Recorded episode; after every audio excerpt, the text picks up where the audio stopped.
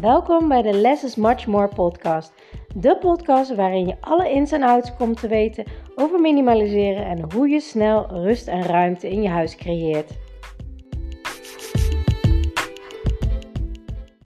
Ontzettend leuk dat je luistert naar mijn podcast en ik heb weer een hele leuke minimaliseervraag voor je. En de vraag van vandaag is als volgt. Hoe zien jouw vensterbanken eruit en wat staat er allemaal op? En wat is echt noodzakelijk? En hoe lang doe je erover om uh, schoon te maken? Is het makkelijk? Is het lastig? Duurt het te lang? Heb je er geen zin in? Waarom heb je er geen zin in? Uh, kost het je misschien veel te veel tijd?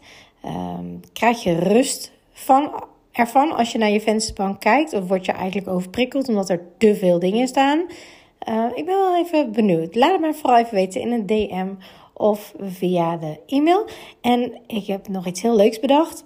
Um, als je even een foto naar mij toestuurt van jouw vensterbank, als je vragen hebt, dan uh, geef ik je daar advies op.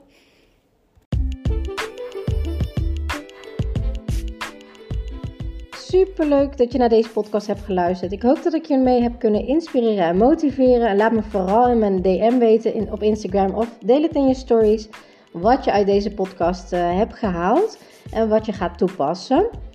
En voor nu wil ik zeggen: less is much more.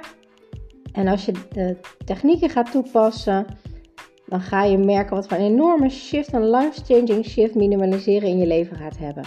Let the magic begin.